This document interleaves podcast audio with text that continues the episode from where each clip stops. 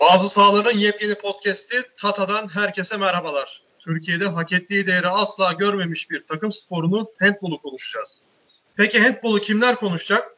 Sıradan bir izleyici ben Cemal Görkemer'im ve Türkiye'de handbol yayınının aranan belki de tek ismi Ozan Can Sülüm. Ee, Velux EF Şampiyonlar Ligi'ni konuşacağız. Merhaba Ozan nasılsın? Selamlar, iyiyim. Sen nasılsın? Ben de iyiyim, teşekkür ederim. Öncelikle bu teklifimi kırmadığın için, kabul ettiğin için çok teşekkür ediyorum. Birlikte ben de tek, çok teşekkür ediyorum zaten.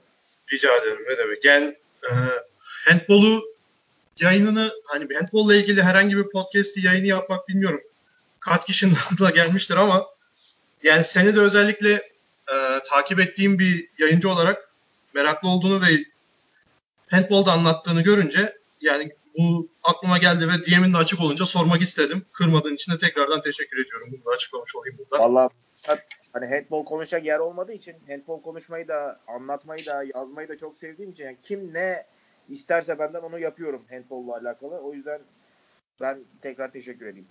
Rica ederim ne demek. Ee, konuya direkt giriyorum. Ee, şöyle soracağım sana önce. Bu Velux EF Şampiyonlar Ligi tabii ki yani adından da anlaşılacağı üzere Avrupa'nın bir numaralı kupası kulüpler bazında. Ee, onun biraz alışılagelmişten farklı bir formatı var. Bilmiyorum başka sporlarda da benzer format var mı ama önce onu anlatmanı isteyeceğim senden. Söyleyeceğin başka herhangi bir şey yoksa. Ya şöyle aslında şeyle girmek lazım. Ee, ulusal uluslararası turnuvaları bir kenara bırakacak olursak ki mesela normalde şey olur diğer sporlarda dünya şampiyonaları e, ya da olimpiyatlar e, en üst düzeyin hani kabulüdür demek lazım. Şeyde Avrupa merkezi bir spor olduğu için handball hem Şampiyonlar Ligi hem de e, Avrupa Şampiyonası en üst düzey. Çünkü sadece çok üst düzey Avrupa takımları karşı karşıya giriyor. Evet. hani çöp takımlar olabiliyor. Biraz amiyane bir tabir ama maalesef çöp takımlar olabiliyor. Şeyden mi bahsediyorsun? Diğer milli takımlardan mı bahsediyorsun? Tabii tabii milli takımlarda Avrupa Şampiyonası mesela Dünya Şampiyonası'na göre çok daha böyle gümbür gümbür maçların olduğu, hiç boş maçın olmadığı falan e, turnuvalar olur. E, Şampiyonlar Ligi de kulüp aşamasının en iyisi ve yani son dönemde işte atılımla birlikte Şampiyonlar Ligi'nin e, seviyesi de inanılmaz arttı. Format dediğin gibi biraz farklı şöyle ki bundan birkaç sezon önce değişti. Normalde e, hani futbol şampiyonlar ligi gibi bir şeydi. E, çok uzun süre dört takımlı işte iki takımın çıktığı vesaire sonra eşleşmelerin olduğu falan. Hani klasik bir şampiyonlar ligi e, formatıydı. Son dönemde çok daha farklı bir şeye gittiler.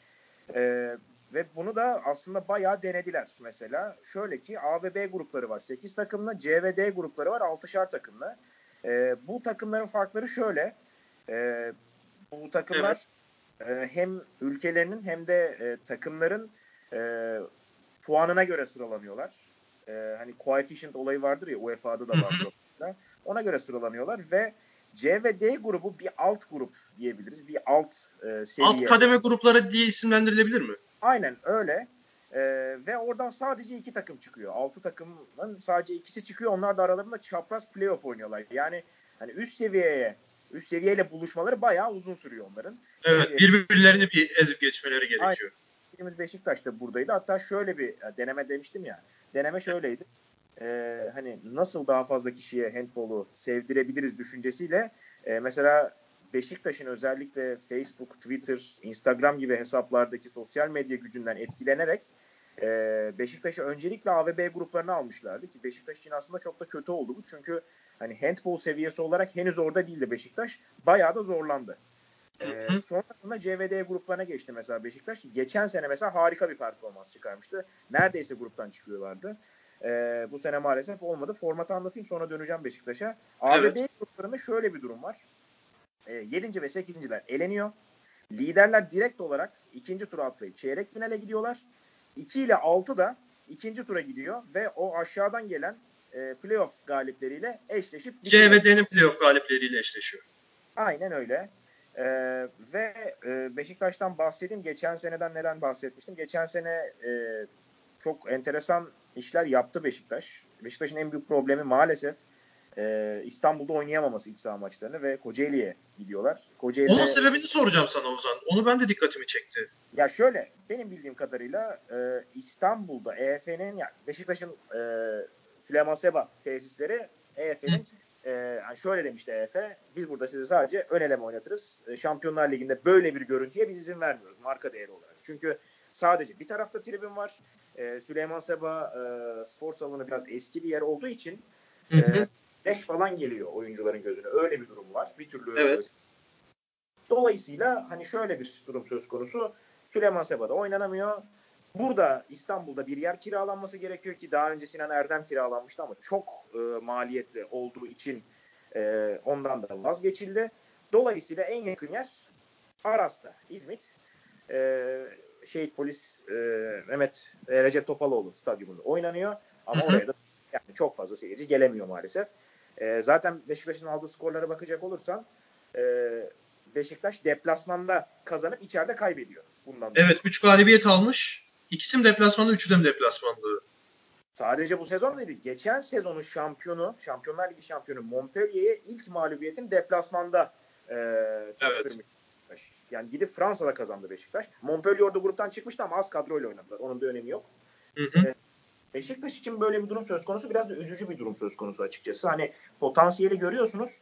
Var potansiyel. İçeride iki tane galibiyet alsa Beşiktaş mesela bu sene gruptan çıkacaktı ama olmuyor. Evet. problem var. Yazık. Ee, buradan mesela şeye bağlayayım ben. Ee, Evet. Montpellier'e bağlayayım hazır bahsetmişken.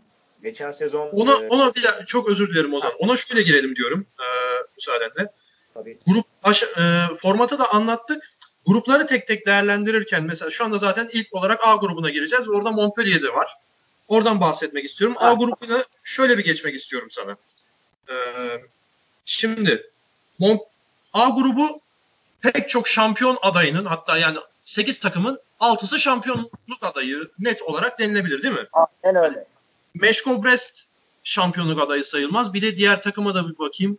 Chris, Christianstad. Evet. Onlar da duysam. Bu ikisi hariç yani Barcelona, West Brom, Vardar, Kielce, Rhein-Neckar-Löwen ve Montpellier. Montpellier de geçen senenin şampiyonu. Altısı net şampiyonluk adayı. kesinlikle öyle. Kurallar Bir- çekildi hatta şöyle oldu. İşte B grubu Evet. Gitti ve daha zayıf bir grup orası. Hani ya hem acayip para harcıyorlar hem inanılmaz bir kadroları var. Bir de kura şansı yeter ve kardeşim olmuştu. Paris Saint Germain için değil mi? Aynen. B grubu çünkü çok daha zayıf. Oraya değiniriz sonra. A grubu Evet. E, çok acayip bir grup olması bekleniyordu ki oldu da zaten. Şunu şöyle geçeceğim sana. Ee, A grubu görüntü olarak da çok acayip ve çok acayip şeyler, çekişmeli ve keyifli maçlar da oynandı. Fakat bir numaralı haber değeri olan olay Montpellier'in geçen senenin şampiyonunun geçen sene az önceki bahsettiğin formattan dolayı alt kademe gruptan gelip şampiyon olan Montpellier'in bu sene A grubunda üst kademe grupta olup 7. sırada kalarak elenmesi. Sana A Şöyle- grubunu böyle paslıyorum o zaman. Buyur. Aynen. Çok iyi pasladın. Ben hatta geçen seneden alayım. iki senedir ilke imza atıyorlar. Bir, e, bu formatta, yeni formatta CVD grubundan şampiyon olan ilk takım. Hı hı. Aynı Fora'da kalan ilk takımdı. Bu senede herhangi bir e, Şampiyonlar Ligi yani tarihine baktığımızda sadece bu formatta değil son şampiyon olarak girdiği Şampiyonlar Ligi sezonunda gruptan çıkamayan ilk takım oldu Montpellier. İki tane ilk yaşattılar. E, ama aynı zamanda şuna da yaradılar. Mesela Fransalılar, e, Fransızlar çok e, övdüler Montpellier'i. Çok özel bir şekilde şampiyonluğa ulaştılar. Şunu da elde etti Fransa onların sayesinde. Almanya'yı geçip e, bir fazla takım Şampiyonlar Ligi'ne sokmalarını sağladı Montpellier'in o şampiyonluğu. O da önemli bir şey. Geçen seneden bu seneye farklı olarak değil mi? Hani Yani bu geçen sene wild card'la katılmışlar. Evet. Bu sene gerek kalmadı. Zaten Fransa Ligi şu anda Almanya'nın önünde. E, en iyi Evet. lig o. E, o da Montpellier'in sayesinde tabii ki. Ki bir ekleme yapayım sana. Geçen sene Final Four'daki 4 takımın 3'ü Fransız. Montpellier, Paris Saint Germain ve Nantes. Aynen öyle. Ee, son dönemde inanılmaz bir atakları var zaten. Fransızlar çok acayip bir, ya dünyanın en iyi ligine sahipler şu anda ve dünyanın en e, handball sever ülkesi de bence onlar şu anda. Almanlar hep bunda övünürdü ama Hı hı. daha farklı bir yere geldi Fransa ile. Zaten o milli takımda çok doğal. Şöyle gireyim. Evet. E, maçları anlatırken haftada iki tane genellikle maç yayınlayabiliyoruz e, Sportsmart'ta ve e, bir tanesi Beşiktaş oluyor bunların. Bir de haftanın maçını alıyoruz genellikle. Şimdi Hı hı. noktadan sonra artık ben hani 3 3 oldu, 4 oldu, 5 oldu. E, hani 6. haftada falan bir baktım Montpellier çıkamıyor. Yani kesinlikle çıkamıyor. Ya bunun diyorum böyle olması mümkün değil. Hakikaten imkansız. Ligde de fena gitmiyorlar çünkü. Ligde öyle çok kötü bir durumda değillerdi yine. İlk üçtelerdi her zaman olduğu gibi. Ama Hı hı. Şu noktaya geldik. Kasım ayında Kristianstad'a karşı galibiyetsiz şekilde maça çıktılar. 3 Kasım'da ve Christians'ta evet. son şampiyona karşı Montpellier kesinlikle favori. O maç 29-29 bitti. O maçı da kazanamadı Montpellier ve e, son kırılma anını belki orada bir geçtiler. Yani kötü bir şekilde geçtiler. E, ve son haftaya gelinirken kendi evlerinde Christians'ta da kaybettiklerinde ben dedim bu takım hayatta çıkamaz. Yani böyle bir şey imkanı yok artık. Yine de bayağı zorladılar şanslarını aslında. Kielse deplasmanında kazandılar. Son haftaya bir iddia taşıdılar. Şöyle ki Vardar'ı deplasmanda yenselerdi çıkıyorlardı. Ama Vardar'ın da e, tabii hedefi vardı. Çünkü şöyle söylemek lazım. 2 ile 6 arası evet belki ikinci tura gidiyor. Çok özel bir şeye gitmiyorlar oradan sonra ama hı hı. E, mesela e, playoff'tan gelen o zayıf taraftan gelen takımlarla eşleşiyor. E, evet. Üçüncü, altıncı çıkan takımlarla eşleşiyor. Görece biraz daha zayıf. Öyle yani daha... 3-4-5-6'lar birbiriyle çapraz yapıyor. Evet. İlk iki farklı bir durumu var. 3-4-5-6'lar birbiriyle çapraz yapıyor. Üst Aynen. kademe gruplar. Yerler zaten çeyrek finale gidiyor. İkinciler de alttan gelen takımlarla eşleşiyor. Evet. Ee, ama yani şöyle bir durum söz konusuydu. Vardar deplasmanında Montpellier, e, Brest'te de Christianstad oynuyor. Christianstad kazandığında üçlü averaja kalıyor. Christianstad çıkıyor. Brest kazandığında Montpellier yenildiğinde e, Brest çıkıyor. O maç evet. Berabere bittiğinde Montpellier kazandığında yine Brest çıkıyor. Yani Montpellier'in son hafta çıkma şansı neredeyse hiç yoktu. Çıkamadılar. Şampiyonlar Ligi'nin en büyük sürprizi bu sene. Ama bunun sebepleri var. Onun e, birinci sebebi bence e, Barcelona'ya giden pivot e, Ludovic Fabregas'ın yerini hiçbir şekilde dolduramadılar ve pivot oyunu tamamen devre dışı kaldı. E, ve buna hiçbir şekilde çare bulamadılar. E, bence hani kaptırılan oyuncunun yerini dolduramamanın en önemli örneği oldu bu ve Montpellier sadece 14 maçta 3 galibiyette bu sene elendi. E, Brest çok iyi bir performans çıkardı ki ya Brest'in hem ikili averajda Montpellier'i yenmesi hem 4 galibiyet alabilmesi böyle hani gümbür gümbür bir grupta çok acayip. Hı hı. Ee, onunla beraber de yani Barcelona'nın diğerleriyle hiç alakası olmadı. Ee, basıp geçtiler öyle diyeyim. Evet iki, iki mağlubiyetleri var zaten 14 maçta. Mağlubiyet ki yani şöyle bir şey aslında geçen sezon yıllardır takımı yöneten Xavi Pascual'in takımdan ayrılması söz konusuydu. Çünkü Montpellier onları son 16'da elemişti. O da inanılmaz evet. bir.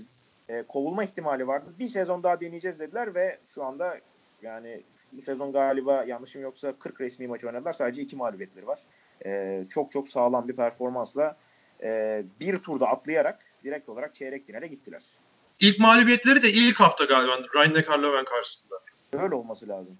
Bir de West Brom deplasmanı var. Onu da sen anlatmıştın. West Brom deplasmanı. West Brom deplasmanı ya West Brom da aslında değinilmesi lazım. Şundan dolayı West Brom e, yine geçen sezon Barcelona ile birlikte en erken elenen takım. Onlar e, geçen sene acayip bir şoka uğramışlardı. Çünkü hakikaten çok çok e, iyi bir yatırıma sahipler. Çok acayip paraya sahipler. O coğrafya, Doğu Avrupa coğrafyasının en pahalı kadrolarından birine sahip ve takım gruptan çıktı. Gruptan çıktıktan sonra Skjerne elendi. Yani Şampiyonlar Ligi'nin en zayıf takımlarından birine elendi. İnanılmaz bir mucizeydi o ve 2017-18'den e, bahsediyorsun değil mi? Hani dinleyicilerimiz için evet, şey evet. anlamak için. Evet. E, son 16 turunda şöyle oldu hatta. E, deplasmanda 32-25 kaybettiler. E, evet. 6-7 farkla kazanabileceği bir maç deplasmanda West Brom'in. İçerideki maçta çocukları oynatabileceği bir eşleşme gibi bakılıyordu. Evet. Böyle bir galibiyet geldi ve e, West Brom yönetimi şöyle bir yönteme gitmişti. E, bir ay boyunca ceza olarak e, Macaristan'daki asgari ücreti alacaksınız. Kendi e, alacaksınız diye. E, bu da hani takımı gaza getirmek yerine iyice dağıttı ve sonra da kendi evlerinde eğlendiler. Bu Panathinaikos basketbol takımının sahibi Dimitris Giannokopoulos'un yöntemi Balkanlara has bir şey herhalde ya. Bu. Aynen yani, yani bunu Türkiye'de de duyabilirsin. İşte Yunanistan'da da oldu bu. Macarlarda da böyle bir yola gittiler. Gerçekten garip yani. Niye böyle bir şey yaptıklarını anlamadım pek. Bir de Montpellier ile ilgili sana bir sorum daha olacak. Ee, şimdi sen şey söyledin. Ludovic Fabregas'ın Barcelona'ya transferinden sonra yerini dolduramadıklarını söyledin. Bir sebep daha bu seneki kötü performanslarının sebebine daha sormak istiyorum sana. Diego Simone geçen seneki Final Four'un MVP'si Arjantinli orta oyun kurucu değil mi? Yanlış söylemedim. Evet. Orta oyun kurucu. Diego Simone'nin sakatlığının ne kadar etkisi vardır bunda sence? Ya bence çok etkisi var. Ee, geçen sene e, MVP performansı çıkardı. Yani Final Four'da tabii herkes çok iyi oynadı ama e, son dönemin ki yani bu arada şey de söyleyeyim. Adam Arjantinli. Evet. Arjantin ve handball çok çok alakasız şeyler ve yıllardır... Az, az önce diye Avrupa ülkeleri dışında diğer ülkelerin çöp olduğundan bahsettin yani. Evet. Aynen öyle ve oradan bir tane çıkmış bir oyuncu var. Çok uzun süredir tabii Fransa'da. Neredeyse Fransız sayılabilir. Şöyle bir şey var. Ee, bu sezon sadece 10 maç oynayabildi. Bu gerçekten çok e, problematik bir şey takım için. E, sezon başında bir sakatlandı e, ve tam e, yine Dünya Şampiyonası'na giderken Ocak ayında bir daha sakatlandı. E, ve yanlışım yoksa Şubat sonunda işte o tedavi süreci falan devam ederken 8 hafta daha yok dendi. E, yani bir şekilde eğer o son haftalarda oynayabilseydi Diego Simeone belki değişebilirdi ama bunun garantisi de yok. E, yani bu takım yine de elenebilirdi.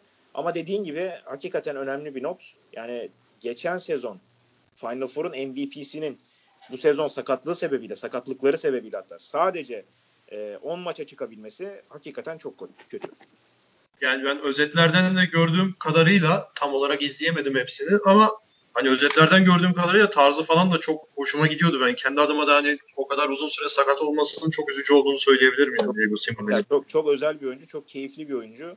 Ee, ve yani şöyle hani tıkandığı zaman hücum hani Diego gel bir şeyler yap diyebileceği bir oyuncuydu Kane'nin ama maalesef kullanamadı bu sezon. Yani şeyde e, EHF'nin resmi sitesinde Şampiyonlar Ligi magazininde de Hand of God Maradona girişiyle yapmışlardı mesela Diego Simone'nin geçen seneki e, Final Four MVP'liğini. Aynen zaten hani, direkt Maradona muhabbeti yapıyorlar hep.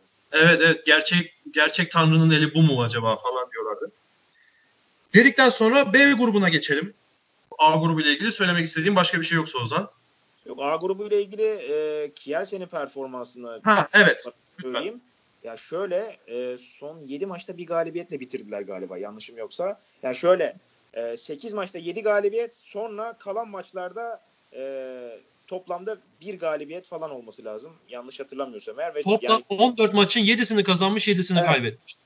Heh, e, o 7'nin 6'sını e, Dünya Şampiyonası öncesinde aldılar. Sonrasında tamamen yok oldular.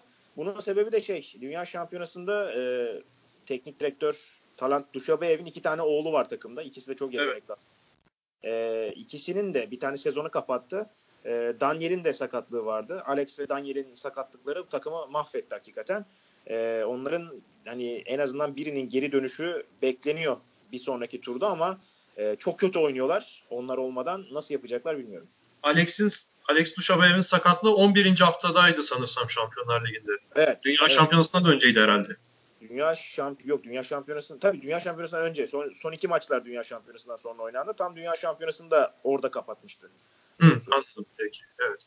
A grubunu bitirdiysen B'ye geçiyorum Ozan. Başka söyleyecek herhangi bir şey. Efendim duyamadım özür dilerim. Yani B grubuna geçelim.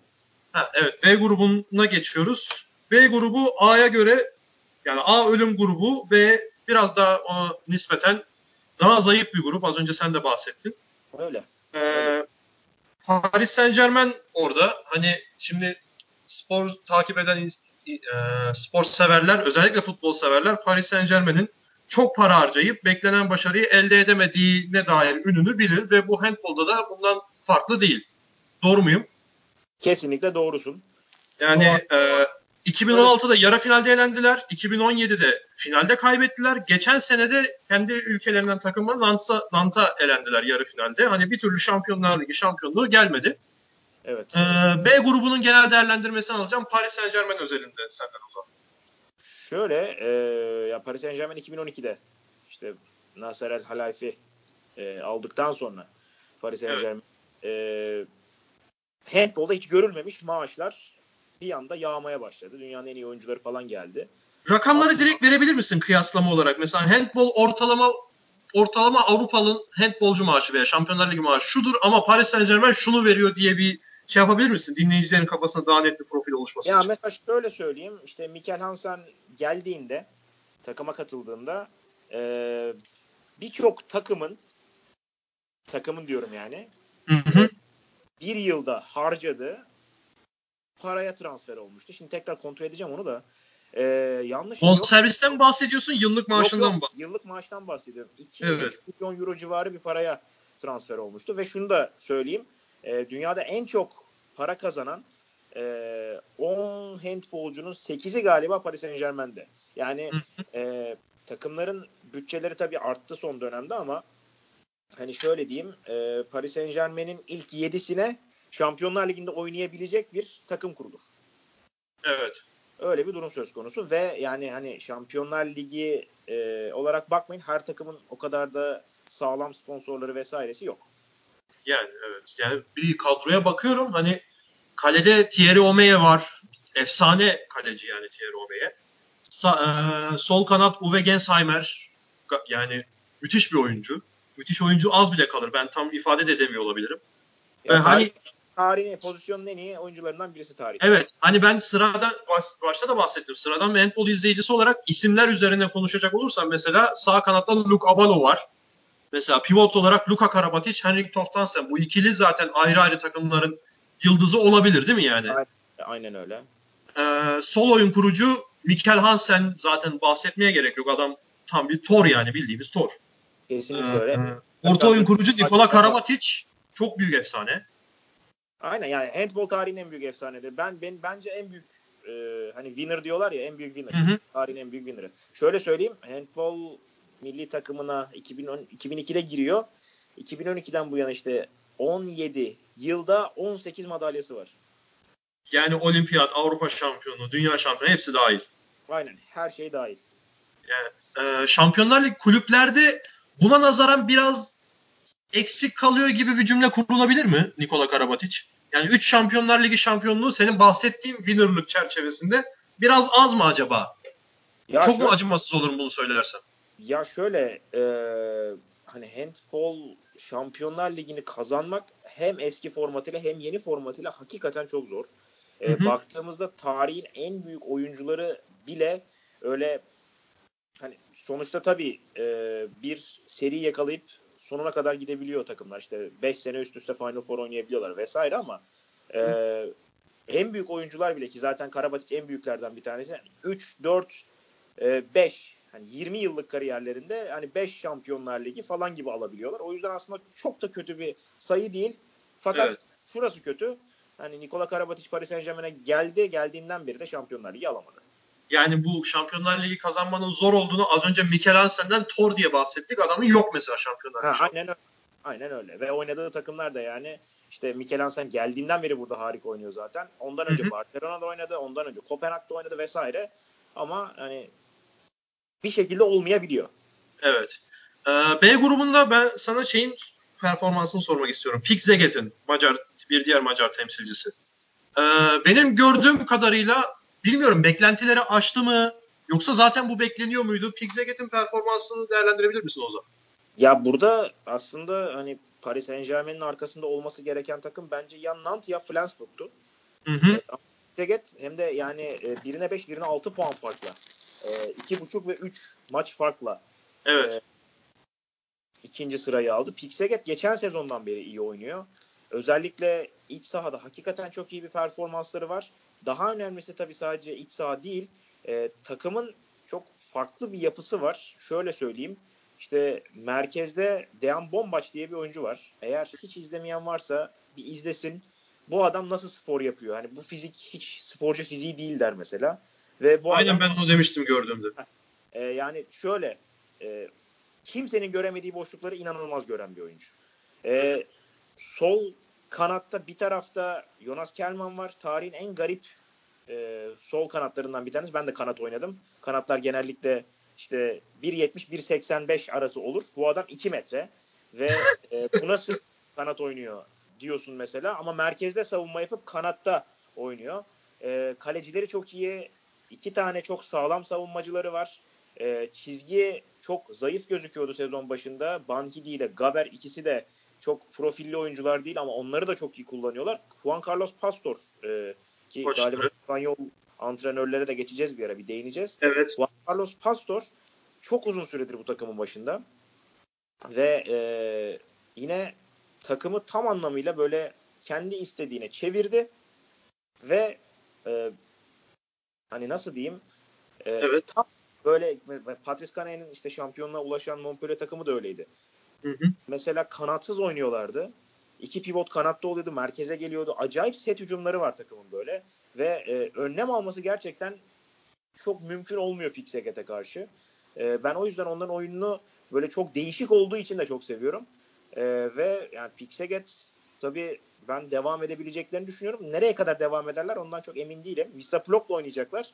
E, Vista Plok'u geçerlerse eğer Vardar Zagreb galibiyle oynayacaklar. Bence Final Four ihtimalleri var. Ee, peki B grubunda senin dikkatini çeken başka herhangi bir performans var mı? Olumlu veya olumsuz? B grubunda ya Motor Zaporojye'nin performansı benim çok dikkatimi çekti. Ee, şundan dolayı şimdi Zaporojye grubun en az gol yiyen takımı. Hı hı. Ee, ve bu grupta yani Nantes, Pixeget, Flensburg, Paris Saint Germain var. Tamam belki öteki kadar güçlü bir grup değil ama e, ya da sağlam yani. Kesinlikle sağlam bir grup. 11 puan aldılar. E, ve takımın e, aslında çok da genç olmadığını söylemek lazım. Takımda şu anda en sağlam performans çıkaran Belaruslu Boris Pukovski yanlışım yoksa eğer e, Şampiyonlar Ligi gol krallığı listesinde 3. sırada olması lazım. Tam emin değilim. Hemen e, bakıyorum ona. 2 hatta. 2 mi? Ha. 80 golle ikinci sırada. Evet. Takımda e, çok tecrübeli oyuncular var. Az tecrübeli oyuncular var. Öyle inanılmaz genç bir takım değil dediğim gibi. 3 kişinin eline bakan bir hücum var. Ve aşırı derecede sağlam bir savunma var.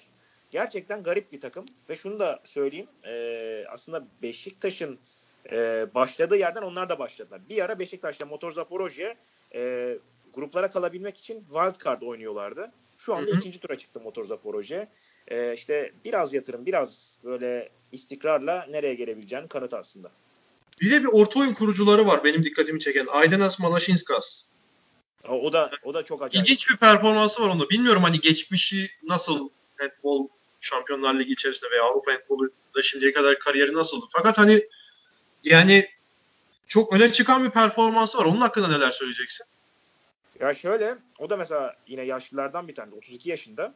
Hı. Ve e, İspanya'nın dışına bir kere çıktı işte. Motor Zaporojye ile çıktı. Aslında yani Litvanyalı ama çok erken şekilde e, İspanya'ya gitmiş bir oyuncu. İspanya'nın böyle orta sıra takımlarında oynadıktan sonra Motor Zaporojye'ye geldi. Şampiyonlar Ligi tecrübesi çok fazla olmamasına rağmen ki işte 2015'te gelmiş. Şimdi baktım tekrar. 2015 döneminde bu takım işte Şampiyonlar Ligi'ne girmeye çalışıyordu. Ama şimdi Şampiyonlar Ligi grubundan çıkaran bir performansa sahip Malashinskas. Son dönemde e, Litvanya'nın da birkaç tane böyle iyi oyuncu çıkardığını söylemek lazım.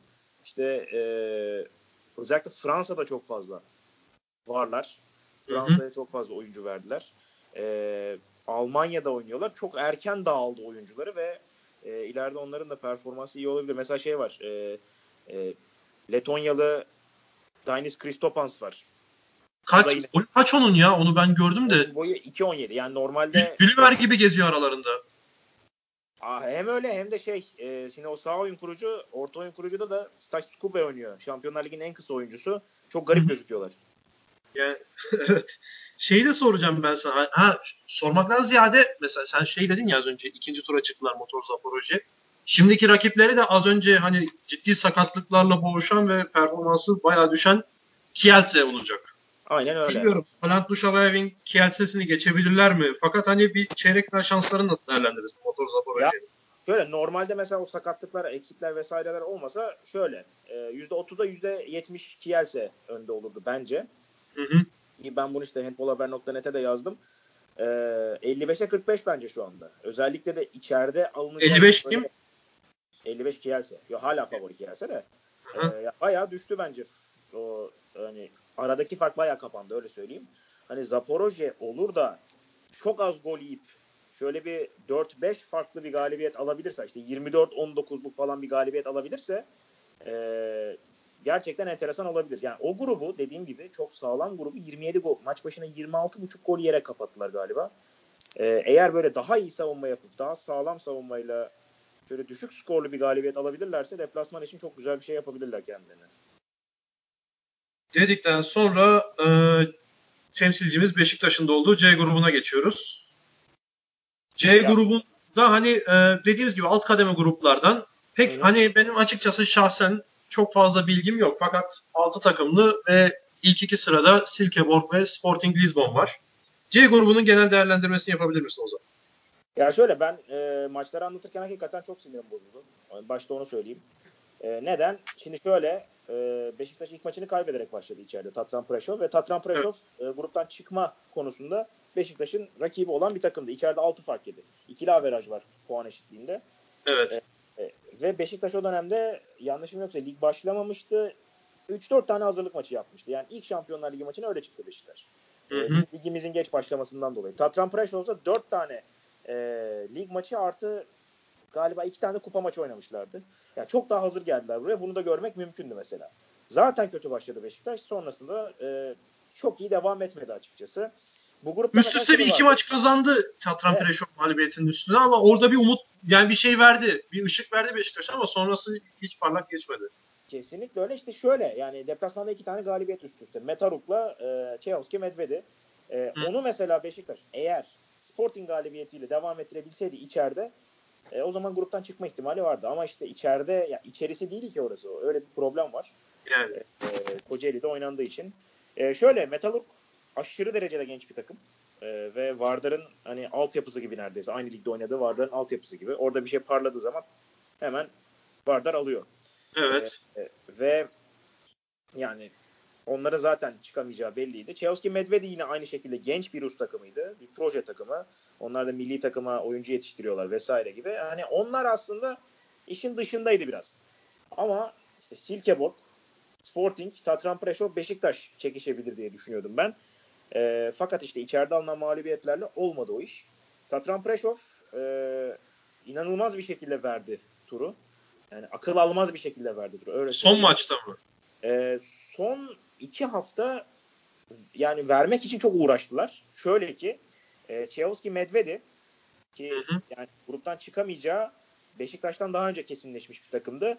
38 e, kaçtı 26, 26 yendi Tatran Ya yani, şunu da belirtelim. Lütfen yanlışım varsa düzelt. Hani handbolda mesela futboldaki 2-0'lık galibiyet net bir galibiyettir. 3-0 daha net bir galibiyettir. Bu handbolda hani 5-6 farka denk gelir. Doğru mu? Aynen öyle. Bu gümbür Handball'daki 5-6 fark buna denk gelir. Hani 12 fark rakibi yok etmişsin demektir. Kesinlikle öyle. E, 38 gol atmak da mesela çok acayip. Hani e, 30-18 biterse maç ulan bunlar çok kötü bir hücum performansı çıkardılar herhalde. Çok da gol yememişler. 30 yemişler ama 38 gol yemek çok acayip bir şey. Şöyle e, Tatran Preşov e, 18 Kasım'da şimdi baktım tekrar Silkeborg'u deplasmanda 30-29 yenmiş. Evet. 29'luk bu galibiyetle birlikte Silkeborg'a karşı puan eşitliğinde ikili averajı eline geçirmiş. Evet. Silkeborg da grup lideri bu arada yani. Bir grup lider, lider bitirdi. Aynen öyle. Ee, ve sonrasında da son hafta şöyle bir durum var. Tatran Preşov e, Metalurg'la oynayacak. O Çeyhovski Medvedi mağlubiyetinden sonra. E, hı hı. İkili averajda Sporting'e de Bjerringbro Silkeborg'a da üstünlük sağlıyor. Kazanırsa Silkeborg kazanmazsa Tatran Preşov çıkacak bir şekilde. Evet. Fakat Hilkeborg e, son 2 dakikasına 2 sayı geride girdiği Sporting maçını 29-28 kazanıp üçlü averajda Sporting'i de çıkarıp e, devam etti. E, çok garip bir şekilde devam etti. Tatran Preşov sadece o skorda çıkamıyordu. Sporting'e geçiliyordu. E, ve çıkamadılar. Gerçekten çok acayip. E, ama spekülasyon yapalım da bir dış müdahale var mıdır sence? ya yoktur herhalde. Handball'da çok fazla dış müdahale oluyor. Hand, handball'da şey oluyor. Kale, e, hakem müdahalesi oluyor ama o da hani e, hakemlerin nasıl diyeyim inisiyatifinin en yüksek olduğu e, oyun bu. Yani hı hı. şöyle diyeyim. E, geçen hafta buna çalmamışlardı diye bir şey yok. Hani hakem şey diyebilir. Bence o faal değil çünkü diyebilir. Çok net Anladım. bir şekilde. E, böyle bir durum söz konusu. İtiraz edilmez yani. Ha, aynen öyle. Ee, C grubuyla ilgili söyleyeceğim başka bir şey yoksa D'nin de genel bir değerlendirmesini alalım. Çok hani tanıdığım, benim şahsen konuşayım. Çok tanıdığım yine burada da takım yok. Öncekinde Beşiktaş ve Sporting'i sayabilirdik. Sporting'i de futboldan biliyorum açıkçası. Ee, e, futbolda bayağı felaket son birkaç senedir. E, onlar da ilk defa şeyden çıktılar. E, Portekiz Ligi'ni de sen anlatıyordun değil mi bu arada? Evet. Futbol ilgili anlatıyorum aynen. Evet. Maşallah hiç gitmediğin spor da yok ya. Kayakla atlamadan tut. Neydi o ya Erman Yaşar'la yaptığınız? Drone. Ha drone yarışı ha evet. 6 bölümü de tek tek dinledim bu arada. Abi 6 bölüm ya biz de doyamadık. Keşke bir 16 bölüm daha olsaydı ya. O kadar keyif aldık ki yani. Yani hakikaten ben de çok keyif aldım. Keşke sürseydi. Deyip D grubun da bir genel değerlendirmesi alayım senden. Onun üstüne bir C ve D'nin playoff maçlarının da ufak değerlendirmesini alacağım o zaman. Buyur lütfen. Şöyle e, e Dinamo Bükreş, Blok çıktılar. Elverim çıkamadı. Adamer Leon ben çıkmasını bekliyordum onların. E, İspanya Ligi'nin e, durumu şöyle hani nasıl diyeyim bir ara şu ara öyle değil gerçi de Celtic e, İskoçya Ligi'nde böyle şampiyon başlıyordu ya sezona. Hı hı. Bir mağlubiyet, iki mağlubiyet alıp 10 e, hafta öncesinde falan şampiyon oluyordu. Evet. E, yıllardır Barcelona öyle. Çünkü başka evet. hiçbir takım yok. Ve Barcelona e, ligde bütün maçlarını kazanarak 2-3 senedir şampiyon oluyor. Hangi yıldan itibaren söylüyorsun? E, Valla ne zamandan itibaren? Atletico Madrid bir ara açmıştı tekrar handball şubesini. Ya bir Ciudad Real vardı bir ara. Onun, o daha eski. O daha eski. Tamam. Daha eski. Ciudad Real'den sonra onlar da iflas edince Atletico Madrid şöyle bir e, şubesini açtı tekrar ki onlar da 80'lerde falan çok iyi bir handball geleneğine sahipti. Ama sonra baktılar yani Barcelona ile yani eşleşmek için bayağı para lazım. Ha. O yüzden vazgeçtiler. O dönemden beri de ligi gümbür gümbür kazanıyor zaten Barcelona. E, Adamer Leon'un ben çıkmasını bekliyordum gruptan fakat onlar da çıkamadılar. E, şey çok acayip. Şimdi buradan playoff'a bağlayayım ben. Hı hı. Şöyle ki e, Sporting Dinamo Bükreş eşleşti. E, her iki maçı da bir farkla kazandı Sporting ama sürekli kontrol ederek kazandılar zaten. Ve tarihlerinde ilk kez son 16'ya kaldılar. Öteki maç çok acayip çünkü ben öteki maçın ilk maçını anlattım. E, Silkeborg deplasmanda 26-22 kazandı. Yani kendi evinde 5 farkla kaybetmezse çıkıyorlardı. Kendi evinde maç kaybetmemiş bir takım. Ve şöyle söyleyeyim ilk yarıyı 15-13 önde kapattılar. Vista evet. karşısında. Oradan turu verdiler. 27-20. İkinci evet. yarıda 30 dakikada sadece 5 gol atabildiler. İnanılmaz bir şey. Yani tarihi bir geri dönüş. Ee, ve o Wisla Blok şimdi tabii e, eşleşmesinde bakalım ne yapacak. Merak ediyorum bir yandan. Ama Polonya yani... takımlarının böyle geri dönüş şey var mıdır? Huyu var mıdır? Ya 2016'daki finalde akla getirirsek Kielce var, e, West Brom finali de galiba çok dramatik bir geri dönüş.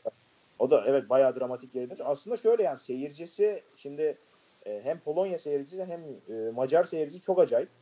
E, onlar kendi evlerinde takımı çok acayip ateşleyebiliyorlar. Bir, biraz bizim gibi böyle izlemiyorlar yani. Hı hı. E, son dönemde gördüğüm en acayip geri dönüş. Bunu şeye bağlayamayız ama bence. Yani Polonyalı Polonya. Takımına bağlayıp çünkü deplasmanda çok acayip bir şey yaptılar. O, evet doğru gerçi evet onu ben yani, Ben o maçı anlayamadım yani. Hakikaten anlayamadım. Tekrarını izledim. Çok mantıklı da gelmedi bana. Şey, Silkeborg vermiş olabilir mi? yani Öyle. resmen şey yani ka- takımı kapatmışlar ikinci yarıda. Öyle gözüküyor. Düğmeyi indirmişler. Kontak kapatmışlar. Aynen kontak kapatmışlar. Çok enteresan. Ee, grup değerlendirmelerinin ardından son 16 turunu sormak istiyorum sana Ozan. Sonun altı diyorum ama 12 takım var. Zaten ikisi yani şeyden e, gruptan çıkan takımların ikisi az önce bahsettiğim yani programın başında bahsettiğim formatla Barcelona ve Paris Saint Germain direkt çeyrek finale çıktılar. Evet. Son kalan 12 takım bunların haricinde. E, o maçların bir değerlendirmesini isteyeceğim senden. Ee, şöyle ya Sporting, Sporting West... West Bram'le başlayalım mesela. Sporting Lisbon, West Bram. Sporting şöyle ilk kez son 16'ya kaldılar. İşte takımı şeyde karşıladılar. E, futbol çok iyi gitmiyor tabii. Onlar e, sevinecek bir şeyler arıyorlardı taraftarlar büyük ihtimalle. Takımı havaalanında karşıladılar vesaire falan ama yani West Brom'i geçmeleri bence çok mümkün bir şey değil. E, çok yetenekli oyuncuları var Sporting'in. E, bence antrenör de çok genç ve yetenekli bir adam. E, Ugo Kanaya. Ama e, ya, takımın gücü ve aynı zamanda rotasyonu da çünkü aynı oyuncularla oynuyorlar sürekli. Çok dar bir kadro. Yetenekli ama dar bir kadro. Yani West Brom'e karşı özellikle de ikinci maçı deplasmanda oynayacak olmaları biraz problem ve bence West Brom oturu çok da herhalde geçebilir. Evet. Wisla Blok Pigzeget. E, Wisla Blok da bence kurşununu o Silkeborg maçında attı. Çünkü son dönemin hakikaten en iyi oynayan, en sağlam oynayan e, takımlarından biri Pixeget'e karşı. Onların da çok fazla şansı yok. Onlar da çok dar bir kadroya sahipler çünkü. Zagreb Vardar. Ee, yani çok net Vardar. Sadece burada şey olabilir. Hani e, Hırvat, Makedon e, tribünleri acaba maçın tamamlanmasına izin verir mi falan gibi bir şey düşünebilirim bir tek. Oluyor mu öyle şeyler Red Bull Şampiyonlar Ligi'nde? Ya, ya Vardar'ın öyle bir seyircisi var ki yani Vardar hakikaten 6000 kişilik bir statları var. Hı hı. E, ve 6000 kişilik stat e, tamamen doluyor. Taşıyor hatta. Yani 6000 kişinin geldiğine inanmıyorum ben. Oraya 8000 falan oluyordur o mutlaka. Ve e, bir gürültü çıkarıyorlar. Zaman zaman kulaklığı kısmak zorunda kalıyorum. O kadar fenalar. Ee, Meşkov Rest, Flensburg Handavid. Burada da çok herhalde sürprize gidecek bir şey olmaz zannetmiyorum. Brest'te de acayip saygım var. Onlar da çok iyi performans çıkarıyorlar. Ki e, şöyle söyleyeyim e, gelecek sezondan itibaren yatırımlarına devam edip takımı büyütüyorlar. E, yine bir başka e, sürekli spoiler veriyorum ama şey e, sonraki konumuzda İspanyolları konuşacağız. Koçları evet. Adenas orada. E, giderek daha iyi oynayan bir takım. Arka arkaya gruptan çıkmayı başardılar. Bu çok büyük bir şey onlar için. E, ama yani Alman geleneğini yenmeleri çok mümkün değil bence. Yani Flensburg 2014 şampiyonluğu mu? 13 şampiyonu muydu? Yani şampiyonluğu da olan şey bir Tabii takım. Şampiyonlar Ligi almış bir takım. Aynen. Evet. Ee, motor Zaporojye Kielce. Bunu biraz değerlendirdik ama son bir cümleni daha alabilirim veya istersen uzunca da değerlendirebilirsin. Ya yok şöyle. E, yani Kielce'nin sakatlık sorunlarından çok fazla çıkabildiğini düşünmüyorum. Eğer motor Zaporojye az gol yediği ve 4-5 fark veya daha fazla attığı bir ilk maç çıkarırsa deplasmana umutlu gidebilir. Yoksa zor. Kilit noktada savunma diyorsun yani. Evet. Kesinlikle. Ee, Rhein-Neckar-Löwen Nant. En çekişmelisi bu olacak gibi duruyor herhalde. Kesin ya en ortada eşleşme. Ben buna zaten %50 %50 diyorum. Ee, bunu dememin sebeplerinden bir tanesi şu. E, baktığımızda çok iyi bir kadro gibi gözüküyor aslında. Rhein-Neckar-Löwen ki bence hakikaten sağlam kadrolardan bir tanesine sahipler. Fakat e, Almanların Alman geleneğinin aksine diyeyim çok istikrarlı bir dönem geçirmediler. E, yine hani Kiyase için söylemiştim. E, geceyle gündüz gibi bir fark vardı. E, dünya şampiyonası öncesi, dünya şampiyonası sonrası. Rhein-Neckar Löwen'de yanlışım yoksa Kasım'dan sonra sadece iki galibiyet alabildi. Onların da performansı bayağı düştü ve bayağı kötü bir performans çıkardılar. Şansa e, çok fazla sorun yaşayan bir başka takımla eşleştiler. Nant'la eşleştiler. E, Nant'ın da yine bu sezon işte geçen sene Final Four görmüş bir takım olmasına karşı. Final görmüş hatta. Evet, final görmüş, evet final görmüş bir takım olmasına karşı çok e, sorunları var. Şöyle ki onlarda Nikola Turna ve Roman Lagarde iki tane son dönemde çıkan en yetenekli e, genç Fransızlardan. E, ikisi de önümüzdeki dönemde takımlar ayrılacaklarını, kontratlarını yenilemeyeceklerini açıkladılar. Onlar takımdan e, ayrılmaya karar verdiğinden bu yana onları kullanmıyor e, antrenör Thierry Henry.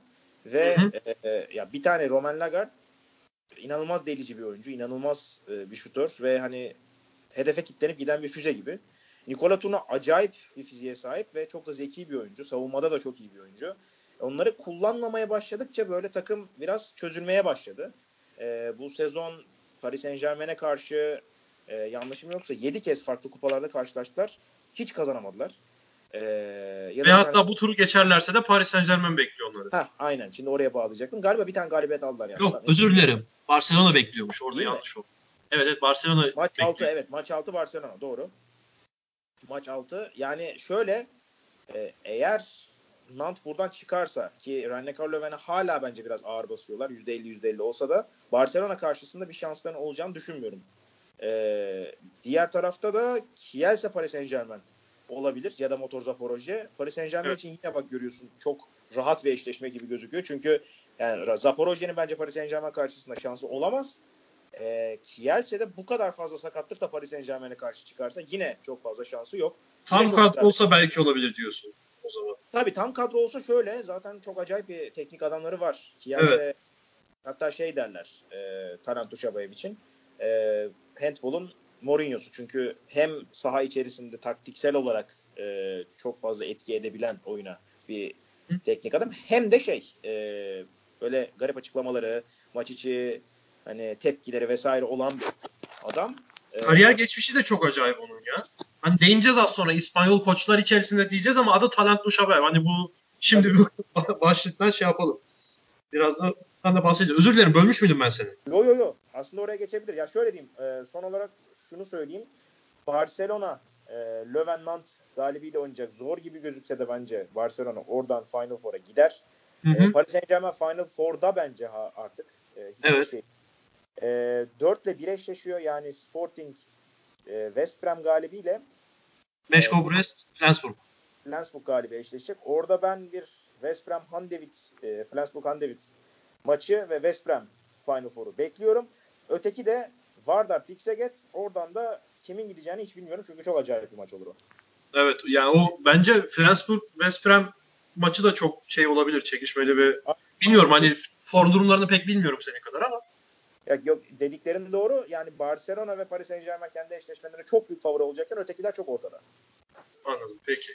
Bunu da kapattıktan sonra e, genel bir konu üzerine konuşalım istiyorum seninle Ozan. Son 16'da az önce de bahsettik 12 takım var. 12 takımın 6'sı West Brom'un koçu David Davis. David Davis. Doğru mu okudum? David Davis diye mi? David, David Davis diye okunuyor. O kendisi öyle okuyor. Evet. Pixeget'in koçu Juan Carlos Pastor. Wisla Plock Xavi Sabate. Vardar'ın koçu Roberto Garcia Parondo. Meşkov Brest'in koçu Manolo Cadenas. Vive Targi Kielce'nin koçu Talant Duşabayev. Bu saydı e, ve çeyrek finalde bekleyenler de Barcelona'nın Xavier Pascual, Paris Saint Germain'in Raul Gonzalez.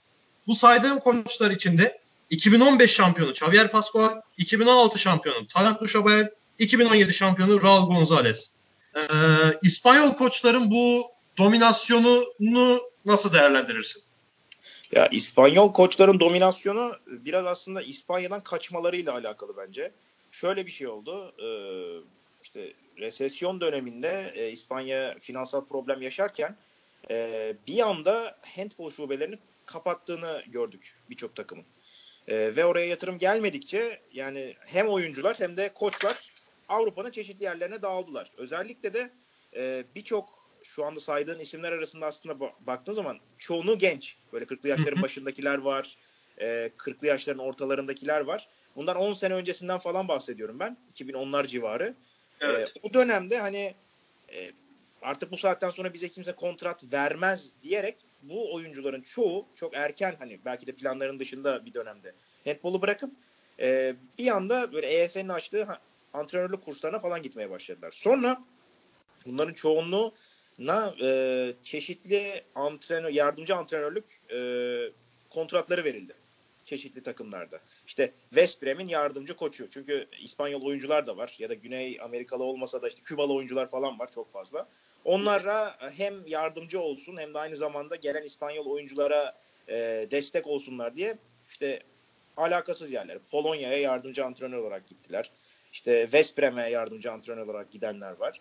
Böyle bir dağıldılar. Sonra bunların toplanması böyle oldu. Birkaç sene içerisinde bir anda e, her taraf İspanyol koç. Ha, bunların arasında tabii e, ayrı yere koyacaklar var. Pastor eski İspanya milli takım koçu. Xavi Pascual yıllardır zaten Barcelona'nın başında. Hani onları bir kenara bırakmak lazım. Ama e, hakikaten çok çok e, sağlam bir şekilde o genç dönemde, genç yaşta antrenörlüğe başlayanlar yardımcılıktan bir anda buraya çıktılar. İşte mesela e, Paris Saint Germain'in koçunun gelişimine bakalım. Raul Gonzalez. Evet. E, Raul Gonzalez 49 yaşında e, ve hani handball'u aslında e, çok düşük seviyede oynamış bir adam. Fakat işte Ciudad Real'e önce yardımcı. Sonra Atletico Madrid'de e, dediğim gibi tekrar şube açıldı. E, Atletico Madrid şubeyi açtıktan sonra hemen orada bir koçluk görevi vardı. Şube açarken orayı sana şöyle sormak istiyorum. Çok özür dilerim gireceğim araya. Ee, Atletico Madrid handball şubesi açınca Ciudad Real oraya mı taşınmış oldu? O şekilde evet, mi oldu? Birleştirirler. İsim hakkını alıp birleştirdiler. Evet. Evet lütfen devam yani et. İflas, iflas etmişti çünkü Ciudad Real. Ee, devam etmesi öyle oldu. Ee, evet. Raul Gonzalez de mesela işte Talant Duşabayev'in yanında Atletico Madrid'deydi. Sonra ikisi beraber ayrıldılar şube kapanınca. E şimdi hı hı. Talant Duşabayev'in yanında yardımcı olan bir adama da hemen bir kontrat verildi. Bir denedi Vardar. E, Vardar zaten o dönemde yatırımlarına yeni yeni başlamıştı. E, ve baktılar. inanılmaz yetenekli bir adam. E, ve sonunda e, şampiyonluğa ulaştılar Şampiyonlar Ligi'nde. Hemen zaten Paris Saint Germain aldı. Finalde ee, de Paris Saint Germain'i yenmişler. Evet. Yani çok çok güzel bir hikaye o da. E mesela onun yine yanında işte neyi gösterebiliriz? Raul Gonzalez'in yanında şu anda kardeşi Jota var. O da e, ortalama İspanya takımlarını çalıştırırken buraya yardımcılığa geldi. Büyük ihtimalle buradan sonra o da e, çok iyi bir yere gidecek. E, David Davis mesela yine aynı şekilde e, handball'u bıraktıktan sonra hemen yardımcılığa başladı. Yine Vardar e, Vardar Bünyesi. kadın takımının e, Vardar bünyesinde kadın takımında çalışmaya başladı. Yani İspanyollar hemen böyle handbolu bıraktıktan sonra koçluk, yardımcılık gibi bir şey alıp bir anda orada gösterdikleri performansla hemen e, çok güzel işler yapabiliyorlar. Zaten- eli- elinin vaksı kurumadan direkt hemen Ha, şey var. aynen, aynen, aynen öyle. aynen öyle. Şimdi ondan dolayı şeyler de başladı buna. E, Almanlar da başladı. Hemen e, böyle büyük oyuncuları e, eğitip hemen bir şekilde gençken antrenörlüğe atıyorlar, suya atıyorlar. E, ama yani İspanyollar olmazsa çok acayip. Ha, Yani bu şey çok acayip. İspanyolların bu son dönemdeki koçluk performansı bence çok acayip. Bunların arasında sana Talant Duşabay'a bir sormak istiyorum. Adam bilmiyorum hikayesine tam hakim değilim fakat çok değişik bir dışarıdan bakınca bile belli. Şimdi kendisi Kırgız kökenli. Evet. Ee, handbolculuğa Sovyetler Birliği'nde başlıyor. Sovyetler Birliği milli takımında oynuyor. Yan- yanlış hatırlamıyorsam CSKA Moskova'da oynuyor hatta. Evet. Tam evet. Sonrasında İspanya'ya taşınıyor. Sebepleri hakkında hiçbir fikrim yok. Sonra İspanya milli takımında oynamaya başlıyor. Az önce bahsettiğimiz Ciudad Real'in oyuncusu. Herhalde kariyerindeki son takımı da o. Hı hı. Sonra Ciudad Real'de de koçluğa başlayıp şu anda İspanyol koç olarak kariyerine devam ediyor Talant Duşabaya ve 2008, 2009 ve 2016 Şampiyonlar Ligi şampiyonu. Doğru mu söyledim? Doğru. Şöyle e, benim bildiğim kadarıyla şey bir ayrımcılığa uğruyor. Yani Kırgız kökenli olduğu için bildiğim kadarıyla bir ayrımcılık durumu söz konusu ve Sovyetler e, Birliği. Evet, o, o bünyede ve Sovyetler Birliği'nde işte 90'lar falan filan derken biraz karışık e, Hı hı. dönemleri. O dönemde İspanya'ya gidiyor. İspanya handbolu o zaman e, acayip paraya sahip ve e, orada oynamaya başlıyor. Orada oynarken hani sorun da yaşarken hazır. E, Rusya milli takımında oynuyor gerçi bir yıl ama e, hani şey diyorlar sorun yaşıyorsan eğer gel yani İspanya vatandaşlığına geç. Çünkü handbolda şöyle bir şey var. Eğer milli takımınızda 3 sene oynamazsanız değiştirebiliyorsunuz takımı. Ha, onu da soracaktım yani. Onun kriteri nedir diye soracaktım. 3 sene oynamamış olmak. 3 sene A takımda oynamamış olmak gerekiyor. Yeni vatandaşlık Evet. alabilmek. Ya da tabii hiç oynamamış olmak gerekiyor ayrı. Sonra işte e, İspanya vatandaşlığına geçip İspanya milli takımında oynamaya başlıyor. E, kendisi İspanyol ana dilinin İspanyolca olduğunu söylüyor. E, ve beni esas e, nasıl diyeyim etkileyen şey şu. E, kariyeri boyunca işte İspanya'da oynadı. Yani zaten Kırgızca ve Rusça biliyor ayrı. E, Almanya'da 4 sene oynadı. Almanca biliyor. E, daha önce Macaristan milli takımını çalıştırdı. Oyuncularla Macarca konuşuyordu. Kielsen'in başına geçtiğinden bu yana Lehçe konuşuyor oyuncularıyla. İngilizce de biliyor. Yani inanılmaz bir adam. Evet. İnanılmaz bir adam. Ee, çok acayip bir zeka, çok acayip bir e, profil ve hakikaten handball efsanelerinden de bir tanesi. Hem oyuncu hem de koç olarak. Ee, dedikten sonra süreyi de biraz açtık planladığımız süreyi. O yüzden ben e, burada kapatalım diyorum o zaman. Tamam. Şeyi de grup maçlarının 7'sini de konuşalım diyordum ama o süre çok uzayacak. Onu daha sonra üst turda falan en iyi oyuncuları falan seçeriz diye düşünüyorum. Tabii. Ee, Tata'nın ilk bölümüne bugünlük sonuna geldik. İlk bölümünün bugünlük sonuna geldik. Ozan Can Sürme çok teşekkür ediyoruz. Ben Grup teşekkür ederim. e, son 16'nın ilk maçlarının ardından veya bilmiyorum tam olarak belli değil o ama son 16 değerlendirmemiz olacak bir sonraki bölümümüzde. Orada tekrar görüşmek dileğiyle diyelim. Hoşçakalın. Hoşçakalın.